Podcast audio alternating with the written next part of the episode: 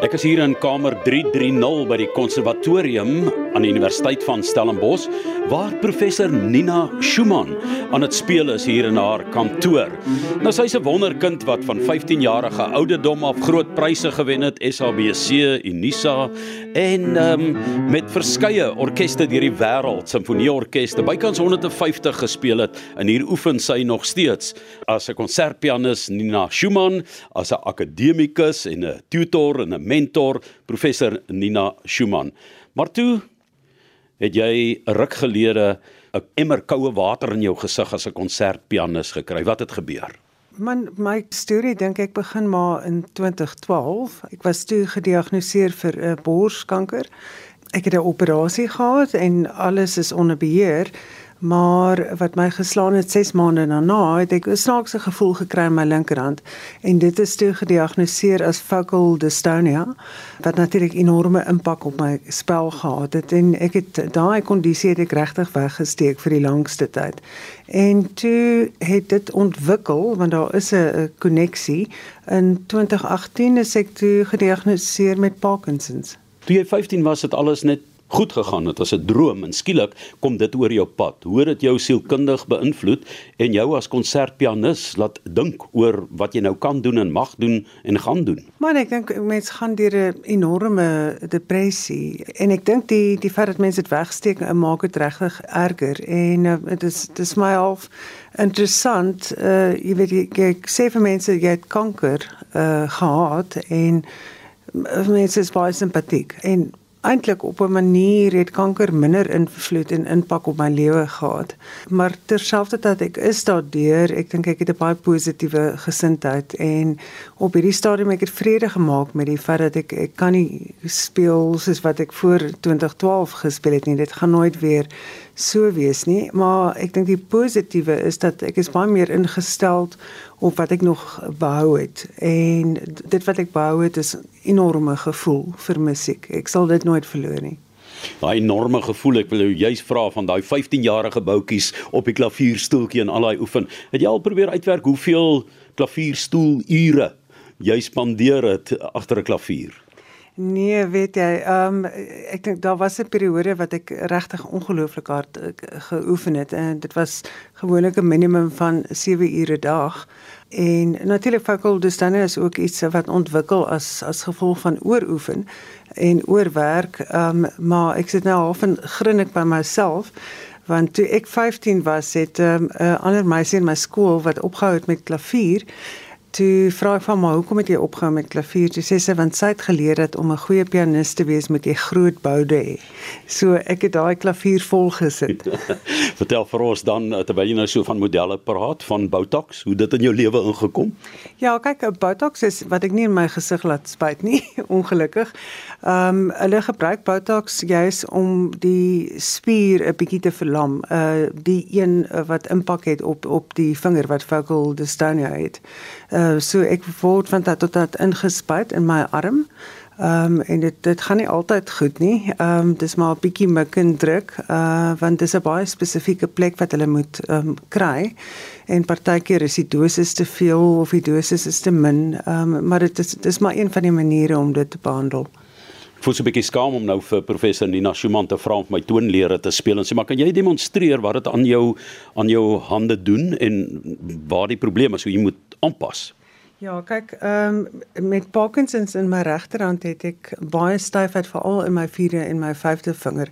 So die eerste 3 uh, eh, note dis maklik en dan kom ek by die vierde en die vyfde en jy kan sien, dis 'n bietjie moeiliker. So 'n toner in die regterhand klink so iets.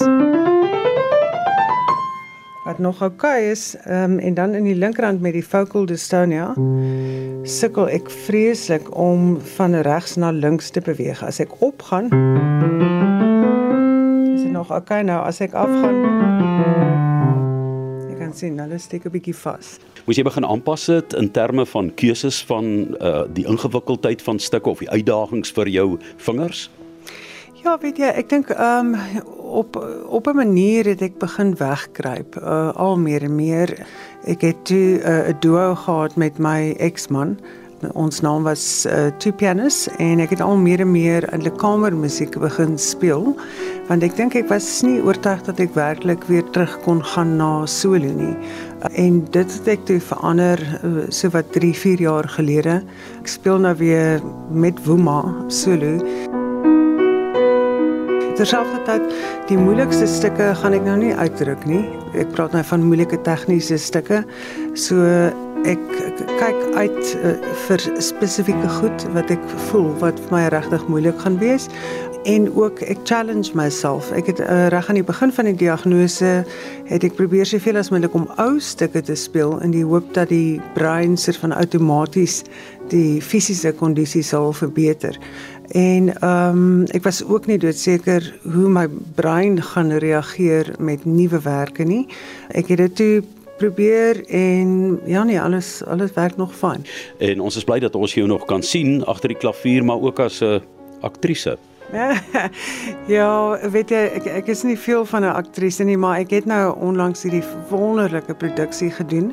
Uh die naam daarvan is Clara en dit gaan oor die lewe van Clara Schumann met 'n fantastiese teks wat geskryf is deur Rihanna Skeepers en dit is eintlik 'n uh, two woman show. Ek sê nie 'n woord nie, maar ek speel wel en die werklike Clara is die fantastiese aktrise Carla Smit. Dit is ook in 'n tydperk toe die vrou in die agtergrond geskuif is, né?